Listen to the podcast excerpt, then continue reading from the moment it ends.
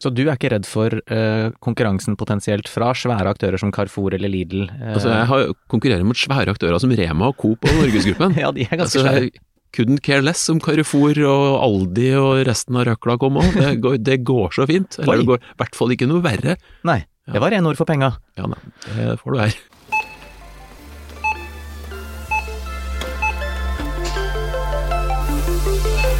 Hjertelig velkommen til Handlevogna, podkasten som tar på alvor at nordmenn er på verdenstoppen når det gjelder å gå i matbutikken.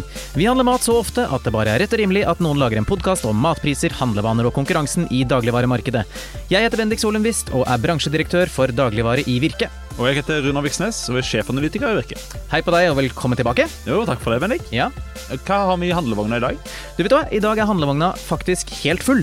Eh, Det vil si, jeg har allerede snakket med kanskje dagligvarebransjens mest frittalende kjøpmann, nemlig Christian Lykke. Og den samtalen ble så lang og god at vi ikke skal snakke så mye nå, men bare gi ordet til selveste sitatmaskinen Christian Lykke, som har en veldig spennende syn på hvordan konkurransen i markedet bør være. Han er jo den lille aktøren med 3% av markedet, men han vil ha naturtilstanden. Fantastisk. Ja, Her kommer sitatene på løpende bånd. Ja, så her er det rett og slett bare å brette ut ørene. Kjør intervju! Hjertelig velkommen til handlevogna, Dagligvare-Norges kanskje mest frittalende kjøpmann, Christian Lykke. Tusen takk. Og utover det å være både frittalende og kjøpmann, så er du også styreleder i den tradisjonsrike trønderfamiliebedriften IK Lykke, som eier butikkjeden Bunnpris. Det stemmer det, vet du. Ja. Eh, En ting som sjelden kommer fram når media ringer deg og ber om en eller annen uttalelse, enten det handler om matpriser eller noe annet som brenner på forsiden av nettavisene, det er det ikke akkurat erketypiske studieløpet du la bak deg før du trådte inn i kjøpmennenes rekker tidlig på 2000-tallet. Hva har du egentlig utdannet deg som? Du, jeg er jo utdanna meg bort ifra arbeidslivet. Ok, Hvordan gikk det til? Jeg er da senmiddelalderhistoriker og er ekspert på kirkelig økonomi i Nidaros-provinsen, altså i Midt-Norge, i første halvdel av 1430-tallet. Det, det er ikke så veldig mange bedrifter, eller det er ikke så mange aktører i hele tatt, som har behov for den type kompetanse. Så jeg skjønte jo etter hvert at eh, skulle jeg havne i arbeidslivet, så måtte jeg inn i familiebedriften. Altså, jeg ser den åpenbare relevansen i å kunne noe om akkurat dette med 1400-tallets kirke, hva enn det nå var, når man skal drive butikk. Det er jo økonomi, da, så det er jo, og det er jo inntekter i smør og tørrfisk og sånn, så det er jo liksom en flik av relevanse. Ja. Ja, et håp. Så ho hovedfaget ditt er i historie, og så har du også noe, leste jeg på Wikipedia-siden, altså du er jo en av de som faktisk har Wikipedia-side, jeg er ikke kommet dit ennå, at du også har eh, litt eh, filosofi og latin. Eh, Får du noe bruk for det i ditt virke som kjøpmann? Ja, jeg har jo oversatt kassasystemet vårt til latin. Hvilket, altså hvordan, fortell. Nei, altså vi har jo et uh, selvbetjeningskassasystem på en del butikker, Ja. eh, som de fleste andre kjeder har. Mm. Den eh, hadde vi jo først på norsk og engelsk, og så fikk jeg spørsmål fra IT-sida hos oss om vi kanskje kunne ha den på, om jeg kunne lage en versjon på fransk og tysk òg. Ja. Jeg kunne gjøre det på fransk, det kan jeg, jeg er ikke veldig spesielt god i fransk, men jeg er ikke forferdelig dårlig heller, så den er nok, den, den, det går an å gjøre seg forstått, da. Eller du kan liksom, du kan gjennomføre en handel på fransk. Ja. Tysk kan jeg ikke. Nei. Ikke i det hele tatt. Men jeg har jo den her Altså, skal du drive senmiddelalderhistorieforskning, så må du kunne litt latin.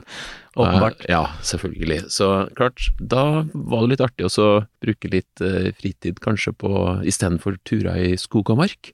Så å sitte med et lite oppslagsverk og jobbe litt og finne ut hva de forskjellige tingene kan være på latin. Vi hadde jo ikke så veldig mye strekkodelesere i antikken, men med litt, litt fantasi og litt hjelp fra en eh, professor i Oslo òg, for så vidt. Ok, hva, hva sa hen da du kontaktet og sa jeg skal oversette kassasystemet Du, til latin? var, han var meget uh, Syntes det var veldig artig. Ja. At uh, De fleste som har eh, sett oversettelsen min, syns jo det er veldig artig at noen prøver. Ja. Og så er det jo litt sånn Det er litt middelalderlatin der, og de som virkelig er glad i latin, syns jo at middelalderlatin det er fy-fy. Ja, For det det er er liksom utdatert. alt etter Cicero er, er, er stygt. Å ja, de vil ha noe det- enda det- Det skal liksom, ja, det er den klassiske latinen som er den rene og, og ja, det riktige. Ja. Innenfor kirken særlig, da kanskje? Eller? Nei, nei, nei. Nei. kirkelatin er jo, den er jo en videreføring av middelalderlatinen. Så den, altså en kardinal som kommer til oss vil nikke og si at det her, her har de tatt eh, hensyn også til oss som, eh, som jobber i fiolett. Så, så han vil ikke si at du har gjort en kardinalfeil i oversettelsen? Det kan jo være hvis den er klassisk skolert, og det er de jo som regel. Så, Ja. Men jeg har ikke fått noe, ikke fått noe eh, melding fra Vatikanet om at jeg har gjort noe forferdelig feil. Men eh, jeg har fått, noe, fått gjennomgå på nett, selvfølgelig, blant de som er mer skolert enn meg, at her, her er det mye middelaldergrums. Ja. Men artig. Det er en liten fun fact til eh, dine fremtidige og nåværende kunder. Neste gang du går innom en bunnprisbutikk som har selvbetjening, så se etter den latinske oversettelsen av kassasystemet. Vi skal straks stikke snuten ned i den eh, politiske ferskvaredisken, som er full av debatt om matpriser og marginer, krig og konflikt, boikott og butikkdrift. Men aller først, til de som ikke kjenner den eh, lykkelige tradisjonen som bunnpris er bygd på, hvor lenge har familien din egentlig drevet butikk? Du, vi eh, har drevet butikk siden 1830, så det er snart 200 år. Og det som skjedde da, det var at min uh, tipp-tipp-oldefar han gjorde en, uh, en kjempebra investering. Han gifta seg nemlig med en 20 år eldre kjøpmannsenke med egen butikk. Nyttig. Ja, og når hun da gikk bort etter en liten kort ekteskap, Mm. så kjøpte han ut arvingene. Det her var i 1830. Og da fikk han kjøpmannsbrev som høker, som det het den gangen. da. Det som er blitt ordet høkkert i dag. Altså, okay, hva betyr det på det, det er et trøndersk uttrykk for at nå ikke er helt greit. Ok, Ja, At det er litt sånn eh, Ja, du, du har litt frynsete rykte, kanskje, da. Som, Høkkert. som. Det er litt høkkert. Ok. Litt sånn halvveis, litt eh, Ja. Så vi starta som høkkert, da ok. i 1830. Og så fikk vi kjøpmannsbrev i 1836. Så Ja. da etter det så har vi kalt oss kjøpmenn, da. Ja. Mm. Måtte ha brev. han- Vi måtte ha brev, måtte ha papirene på, på stell. Og straks eh, 200-årsjubileum, altså om sju år ish. Ja, Ja. Det var like etter at han, eh, hun her døde, så fant han en 20 år yngre kvinne som han gifta seg med, og fikk familie med, som da var min tipptippoldemor. Ja. Så han var en eh, dyktig i viktige områder av livet, Ja. kan man si. Er dere da egentlig den lengstlevende dagligvareslekta i Norge per dags dato? Det kan liksom jo være at det fins en, en væreier her og der. Vi Ja. har en sånn i vårt system òg, han som driver butikken på Vågaholmen, Ja, eh, hvis du har hørt om den. Nei. Det er ikke så mange som har, men eh, der er det en eh, flott butikk som er drevet nesten like lenge, eller kanskje litt lenger òg, Ja. enn våre butikker. Så det finnes eh, eldre familier, men de er da kanskje litt mindre igjen enn det vi er òg. Men det er ikke sikkert at en gjengse kunde som eh, svinger innom en bunnpris eh, søndag morgen for å kjøpe potetgull og cola, vet at dere har drevet butikk i så mange år. Så det er litt morsomt. Nei, og jeg bruker jo også å si at vi har brukt eh, 193 år på å bli eh, Norges minste dagligvareaktør. Ja, og det skal vi komme litt tilbake til her. Fordi neste spørsmål er hvordan ser bunnpriskjeden ut i dag? Markedsandeler og geografisk spredning og eier dere alle butikkene osv.? Du, vi eier ca. en fjerdedel av butikkene sjøl. Ja. Vi kontrollerer de fleste på et eller annet vis, men vi har lokale kjøpmenn som er med oss og driver butikker. og Det er en forutsetning for at vi skal lykkes. For vi må ha dyktige folk, og dyktige folk de er interessert i å tjene penger. Ja. Og da må vi gi dem mulighet til det, og det har de fått fint hos oss. Ja. Og ellers så har vi en markedsandel i dag på 3,5% 3,6 faktisk i fjor, men i år så har det vært en tung start, så vi er litt ned igjen nå. Men eh, det svinger jo litt det her, og hvert, eh, hver promille er utrolig tungt arbeid. Ja. Og blant alle kjedene, for at vi, det her er et stort marked, det er et viktig marked, og det kan være lukrativt òg, hvis vi gjør ting riktig. Ja. Så klart, kampen om eh, promillene her, den er tøff, altså. Ja. Og vi har til sammen 240 butikker, cirka. Og den geografiske spredningen, er dere i hele landet? Du, vi er i nesten hele landet. Ja. Vi er fra Finnmark i nord og til Agder i sør, men vi, vi, har, noe, vi har en del eh, tomrom Ja. på kartet, Mm. hvor vi ikke, enten ikke har fått det til, sånn som i Vestfold, Mm. eh, og, eller ikke ønsker, sånn som i, i Østerdalen, hvor det kanskje er litt langt mellom folk, Mm. og du, hvis du ikke er sterk fra før da, så blir det tungt. Ja. Så ellers er vi ganske godt spredt, vi er sterkest i Møre og Romsdal. Ja. Så der har vi en rundt 15% markedsandel, og det er jo, viser jo at det er jo tydeligvis mulig, bare vi gjør ting rett. Men Jeg bor jo i Oslo, kommer fra Oslo, eh, reiser rundt i Norge rett som det er eh, for å se på dette flotte landet som vi er så glad i. Men eh, jeg har observert at bunnprisbutikkene i de ulike landsdelene er ganske forskjellige. Så hvordan kan det ha seg at i Oslo, der hvor jeg bor, så er de stort sett små, ofte søndagsåpne, mens andre steder i landet så ser jeg at den lokale bunnprisen kan være den rene delikatessebutikken med ferskvaredisk og det hele. Er dette tilfeldig? Hvordan ble det sånn? Det er tilfeldig. Ja. Og det er fordi at vi er jo avhengig av å ha gode lokale kjøpmenn. Vi er avhengig av å ha tilgang til gode lokaler. Og det, tar, det å bygge en butikk med ferskvaredisk som tjener penger, det kan ta en 30-40 år å få Ja. til.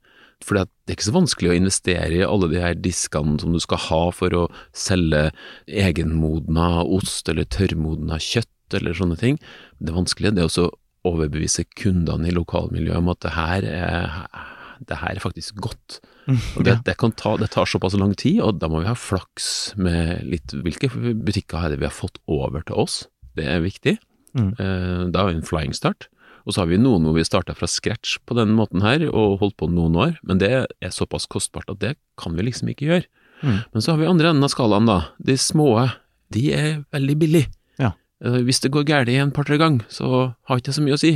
Hvis vi starter en gourmetbutikk og det går galt, så kan vi ikke gjøre det igjen på ti år, Nei, for det er så dyrt. Ja. I Oslo, hvor det er litt eh, hvor det er trangt om beinet, da, for å si det sånn, det er jo det er her folk bor. Mm. Der er det vanskelig å komme inn på markedet, og som en eh, som du sikkert hører, så er jeg jo eh, trønder, så, så det er litt eh, Det å ikke holde til i Oslo og skal ekspandere inn i Oslo, det er vrient. Ja. Så da må, vi, eh, da må vi ta det som blir ledig, og det som er ledig i Oslo, det er jo små lokaler Ja. som er litt sånn Ja, går det an å drive butikk her, da? Ja, nettopp. Ja, og det har du kanskje tenkt når du har vært inne hos oss, og Ja. det overraskende mange steder så går det an å drive butikk, Ja. sjøl om lokalet er lite og det er trangt. Og klart, baksida her er jo at vi kan bli litt straffa på omdømmemålinga. Ja. Fordi at uh, hvis du vanligvis går på Meny, og så kommer du til en sånn liten butikk én dag i uka for å kjøpe uh, et eller annet for å kurere bakrusen din, da kan det være at uh, du ikke har de beste assosiasjoner til oss etter å ha stått i kø gjennom den trange lille butikken Ja. hele formiddagen. Men den butikken, den er der, og den er oppe også på søndag. Og det er ofte det som er fordelen, som gjør at det er kø ut døra. Det er det. Fordi Og folk vi- skal ha pizza og cola og så videre. Heldigvis så har, har vi mennesker som ikke planlegger så godt, Ja. og som, eh, som trenger en del ting også på søndag, og der har vi funnet en eh, liten nisje Ja. som vi, vi har tatt godt vare på, og som jeg tror også de fleste syns er greit å ha som mulighet. Ja. Men klart, sammenligna med en stor butikk, enten det heter Rema eller Meny eller, eller vanlige bunnpriser for den, saks- den saks skyld, så er det her eh, det er litt mindre da å velge og det er litt, kanskje litt trist også, men klart, reglene er som de er, og Ja. vi tilpasser oss. Ja. Du, vi går over i den politiske ferskvaredisken som jeg eh, hintet om i stad. Stortinget ønsker seg strengere regulering av dagligvaremarkedet, og næringsminister Vestre jobber på spreng for å levere på alle oppdragene. Og målet er eh, best mulig konkurranse. Hva er din vurdering av den pågående politiske debatten om det norske dagligvaremarkedet? Huff. Oi! Ja, altså, vi er jo minst, så Ja. vi er jo den som kanskje kunne hatt mest glede av at her kom det en stor, snill barnehageonkel og passa på at alt ble rettferdig. Ja. Men jeg er litt redd for den uh, situasjonen, mest, for, mest av alt for at da er det så viktig å være på godfot med barnehageonkelen. Mm. Og det, det har ikke vi som er små kapasiteter. Så for meg så er det mye lettere at det er en slags eh, vill fight, alles kamp mot alle, naturtilstanden som hos Hobbes og, og så videre, ikke sant. At det her er det den sterkeste eller den tilpasningsdyktigste. Et eller annet Det, det, det du sjøl som avgjør om du lykkes eller ikke. Ja. Og det er min inngang til det. Jeg syns at det er mye mer enkelt hvis jeg kan få lov til å være min egen lykkes eller ulykkes smed. For det, vi gjør jo feil, vi òg. Mm. Men det er klart, da, da er det vår skyld, og da, da har vi også muligheten til å la være å gjøre det neste gang. Vi kan lære av det, videre. Jeg er litt redd for at hvis du først inviterer politikeren inn i den her sandkassa som er dagligvarebransjen, Mm. så har ikke politikeren tenkt å gå igjen. Nettopp. Du Og- har mest mulig fri konkurranse, rett og slett? Mest mulig fri konkurranse, og helst også fra utlandet. At det skal være eh, enklest mulig å etablere seg. Eh, flest mulig konkurrenter, kan, som, og flest mulig leverandører, ikke minst. Eh, det tror jeg blir det beste resultatet for forbrukeren. Og jeg tror også at en liten, eh, hva skal en si, kanskje litt sånn lettbent kjede, kan klare seg i et sånt miljø. Ja. Eh, for da kan du kanskje utligne de her eh, ulempene du har ved å ikke være stor, ved å være eh, raskest. Hvis du har nok leverandører, så kan du alltids finne en som kan gi deg en god deal. Men Ja. har du veldig få leverandører, som vi har i Norge i dag, da kan det bli problematisk. Ja, nettopp. Ok, så litt av problemet for de små er at det ikke er nok leverandører, og du nevnte også dette med konkurranse utenfra. Hvorfor tror du ikke vi får mer konkurranse fra internasjonale og andre land? Jeg tror det er for dyrt å etablere seg i Norge, og det er for usikkert, og du kan ikke ha med deg dine egne leverandører, ikke minst. Har du en, hvis du er Carrefour, verdens nest største detaljist, så har du sannsynligvis en god del gode avtaler i sekken din. De får du ikke med til Norge av importvernet. Og Mm. da, da stiller du liksom likt med bunnpris, egentlig. Ja. Det er for så vidt eh, kanskje greit for oss, men det gjør det vanskeligere for de her utlendingene å konkurrere, og det gjør det egentlig også vanskelig for oss, for at vi får ikke nok leverandører å velge i. Og eh, det er det her som avgjør rett og slett hvordan vi skal utvikle oss framover. At, vi har- at vi har nok å velge i. Så du er ikke redd for eh, konkurransen potensielt fra svære aktører som Carrefour eller Lidl? eh, Altså, jeg har konkurrerer mot svære aktører som Rema og Coop og Norgesgruppen. ja, de er ganske altså, svære. Couldn't care less om Carrefour og Aldi og resten av røkla kom òg. Det, går- det går så fint. Eller Oi. det går i hvert fall ikke noe verre. Nei, det var rene ord for penga. Ja, nei, det får du her. Og vi har mange, mange bilder på Nå nevnte du sandkasse, jeg skal bruke et annet språklig bilde. Det hevdes ofte at konkurransen i det norske dagligvaremarkedet er for dårlig. Men hvordan oppleves konkurransen for bunnpris, som er den lille gakkaken i en andedam med tre ganske mye større ender, som til slutt kanskje skal bli et godt måltid confit du canar? ja, det, det er jo eh, en utrolig sterk konkurranse i den norske dagligvarebransjen på uh, siste leddet. Det er meget små marginer, og um, det skal det også være. For det her er så viktig for så mange mennesker at uh, selvfølgelig skal det være konkurranse. Og når du sier sisteleddet, så mener du konkurranse mellom butikkene og butikkjedene.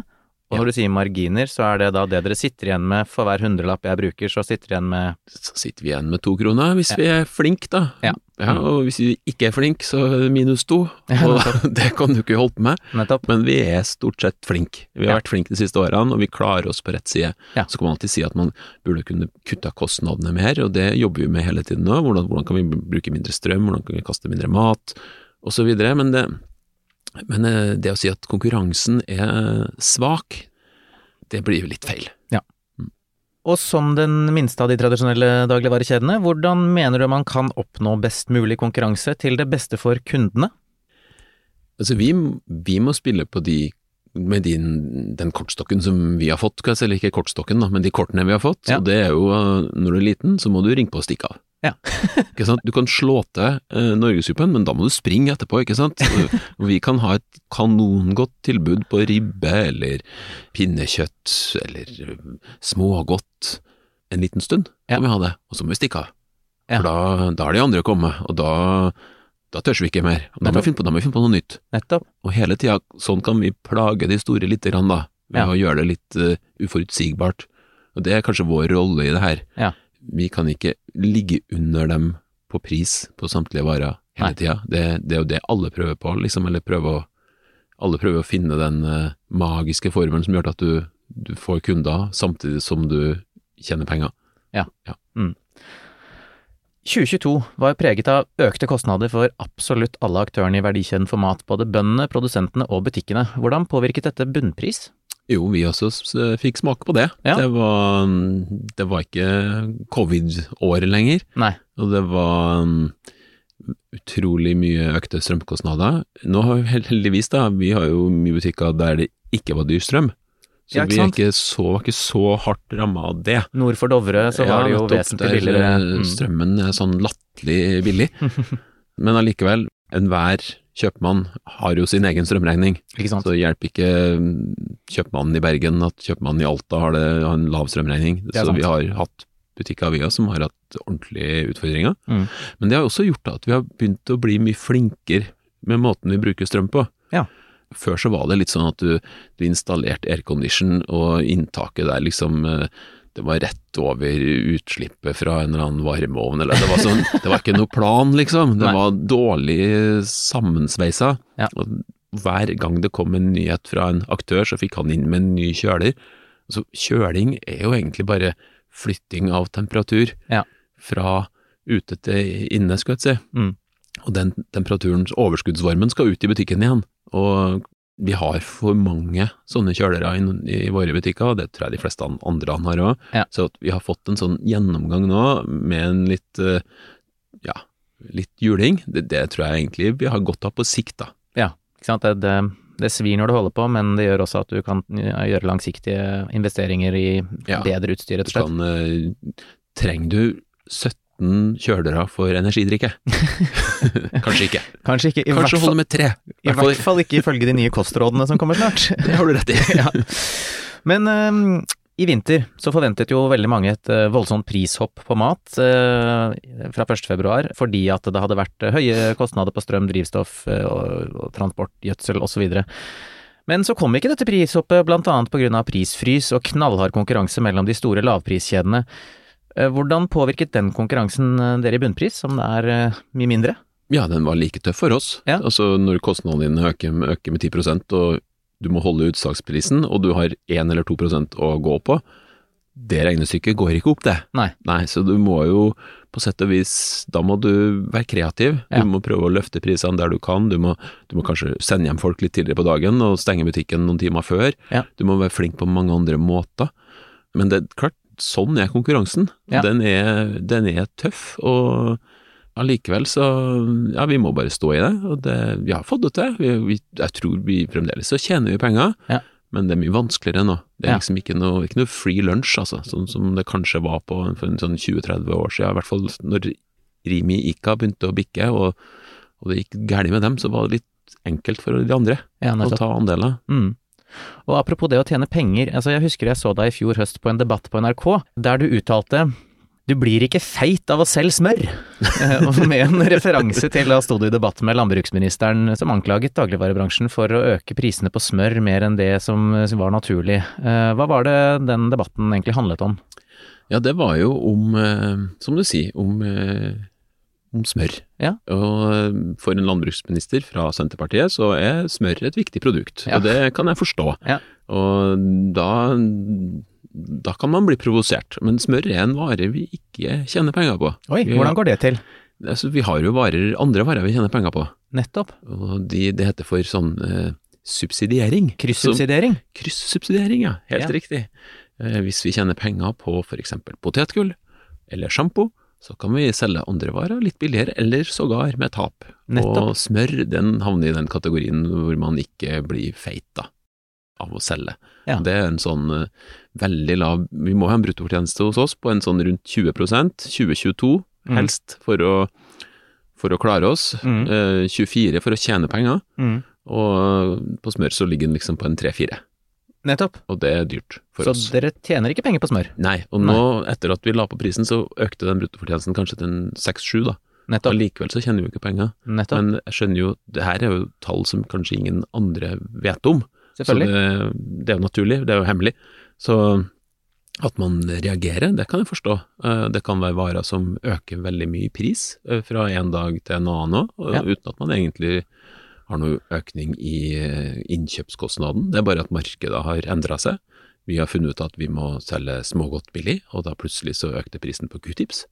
ikke sant? Så det behøver ikke å ha noe sammenheng. Nei. men eh, sånn fungerer markedet. Og det kan være uforståelig for ganske mange, men det er også det er ganske artig Ja. å, å sitte og se på at, uh, hvordan den dynamikken er. da. Så det, det kan være Men jeg skjønner jo at hvis du liksom hele tida er vant til at q-tips skal koste 17,90, og så plutselig koster 23, Ja. så kan du jo bli provosert. Da tenker jeg at hvis du bruker q-tips så ofte, så har du kanskje et problem med øra som du bør gå til legen det har du rett i, og derfor så er det ofte ofte sånne varer som q-tips, hvor det er lett å gjøre ting for Ja. oss i dagligvare, ikke sant, for at du kjøper det så sjeldent at oi, kosta det ikke noe annet før? Og da henter vi inn litt som vi kan bruke på å selge andre varer billigere. Men det som er viktig her, det er jo hva blir igjen til slutt? Ja. Og klart, hvis den prosenten øker veldig, da kan jeg forstå at folk reagerer. Mm. Men når du ser på hva vi tjener, så er det stort sett de her 2-2,5 prosent hvert bidige år Mm. i 20-30-40 år tilbake i tid. Nettopp. En annen ting som var en del av den debatten, det var at du nevnte at uh, dere kunne ha høyere marginer for, på f.eks. Hu, husholdningsprodukter som man ikke spiser, altså det vaskemidler og sjampo og sånne ting. Men der er det jo kommet litt uh, ny type konkurranse. For Ja. nå er det jo mange andre som også driver og selger de greiene der. Ja, og det er jo vår egen skyld, for Ja. at vi har tatt oss altfor godt betalt for sjampo. Ja, Og da, klart, da, sånne som Normal og Europris og Jula og Rusta og alle de her, de, de ser jo, ser jo det her, ikke sant? Og Ja. da, da blir det de luringene. de luringene, ja. Det Ja. er jo vi som skulle være lur der. Ja. Og da må vi eh, finne på andre ting igjen. Ja, Og da må vi kanskje øke prisen på smøret, da. ja For at det ikke er like mye sjampopenger å bruke. nettopp. Mhm. Så, men eh, du heier vel egentlig litt på konkurransen fra de nye aktørene som ser at her er det en nisje vi kan hoppe inn i? Altså, det er jo den konkurransen du etterspurte tidligere i sendinga. Absolutt. Ja. Det er jo ikke Det er jo sånn det er. Ja. Og det sunneste er jo egentlig om hver vare bærer sin egen kostnad. Ja. Eh, Men der tror jeg aldri vi kommer på siste leddet, for der er konkurransen for tøff, og vi må hele tida gjøre endringer.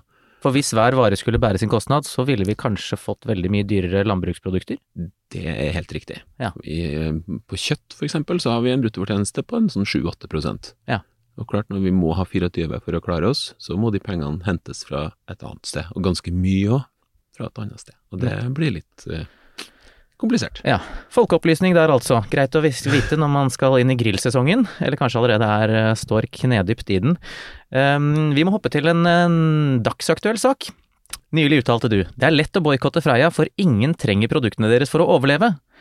Likevel valgte Bunnpris å ikke boikotte Freia eller Mondelez, som eier Freia, og dette dreide seg da om en svarteliste fra Ukraina, fordi eieren til Freia, Mondelez, har noe produksjon i Russland fortsatt. Men hvordan kan du forklare hvordan du har tenkt i denne prosessen her, da media ringte? Nei, jeg prøver å være, holde det så enkelt som mulig. Ja. Her er, har vi EU, som har satt opp eh, lista over hva som er hva man ikke skal kjøpe, Mm. og da tenker jeg vi følger den. For hvis vi begynner å rote med det, så er det fryktelig mange produsenter etter hvert som det viser seg har et eller annet i Russland, eller kjøper et eller annet fra Russland, og så skal du begynne å plukke ut noen, så syns jeg det blir litt eh, Det blir urettferdig. Det er én ting, men jeg tror heller ikke det virker spesielt godt annet enn på den, kanskje, på humøret til den som plukker ut. Og jeg tror, eh, jeg tror at vi har eh, Det er best at sånt er samkjørt fra et så sentralt hold som mulig, og da er vel egentlig EU den beste aktøren. Da blir det virkning, og det blir en viss forutsigbarhet også for de aktørene som eh, er med her. Ja. Helt til slutt, det obligatoriske dobbeltspørsmålet til alle gjestene i handlevogna. Hva er din favorittmatrett hvis du er gjest eller går ut for å spise, og hva er din signaturrett hvis det er du som skal stå for kokkeleringa? Det er heldigvis et enkelt spørsmål. Jeg liker fisk hvis jeg er ute og spiser, for det syns jeg er vanskelig å få til sjøl. Ja. Det er litt sånn uh, enten så lykkes du, eller så lykkes du ikke, og det blir litt for mange ganger at det blir for usikkert. Derfor er det ikke en signaturrett, men noen ting jeg bestiller Ja. jeg er ute. Gjerne sånn hvit fisk som fort blir tørr. Ja, ikke sant? Ja, det, Da setter jeg pris på at det er fagfolk som har gjort den jobben. Mm. Skal jeg lage noen ting sjøl, så vil jeg helst lage noen ting hvor det er vanskelig å gjøre feil, og da er jeg faktisk uh, confit de Ja, apropos Eh, andedam. Ja, det er min signaturrett. Den blir like bra hver gang, Ja. uansett nesten hva jeg gjør. Og Hvis jeg ikke skal toppe den litt, da, som jeg gjør på nyttårsaften, da er det liksom også andebryst Ja. i tillegg til, eller istedenfor. Og til det her så har jeg en rotmos av eh, pastinakk Ja. og eh, noe chips av jordskokk. Dæven, det hørtes Ja. veldig digg ut. Nå ble jeg sulten. Ja, og så litt, eh, hva heter det for noe, sånn eh, aspargesbønner. Ja, Mhm. Det bruker å bli veldig godt. da gjetter jeg på at du eh, kombinerer dette med et eh, godt glass rødvin nå, da. Det gjør jeg. Jeg har ikke så mye peiling på rødvin, men jeg, jeg har peiling på vareplassering, så jeg tar den som står lengst ned og til venstre. For det er der du får de beste kjøpene. Ok, er det det? Interessant.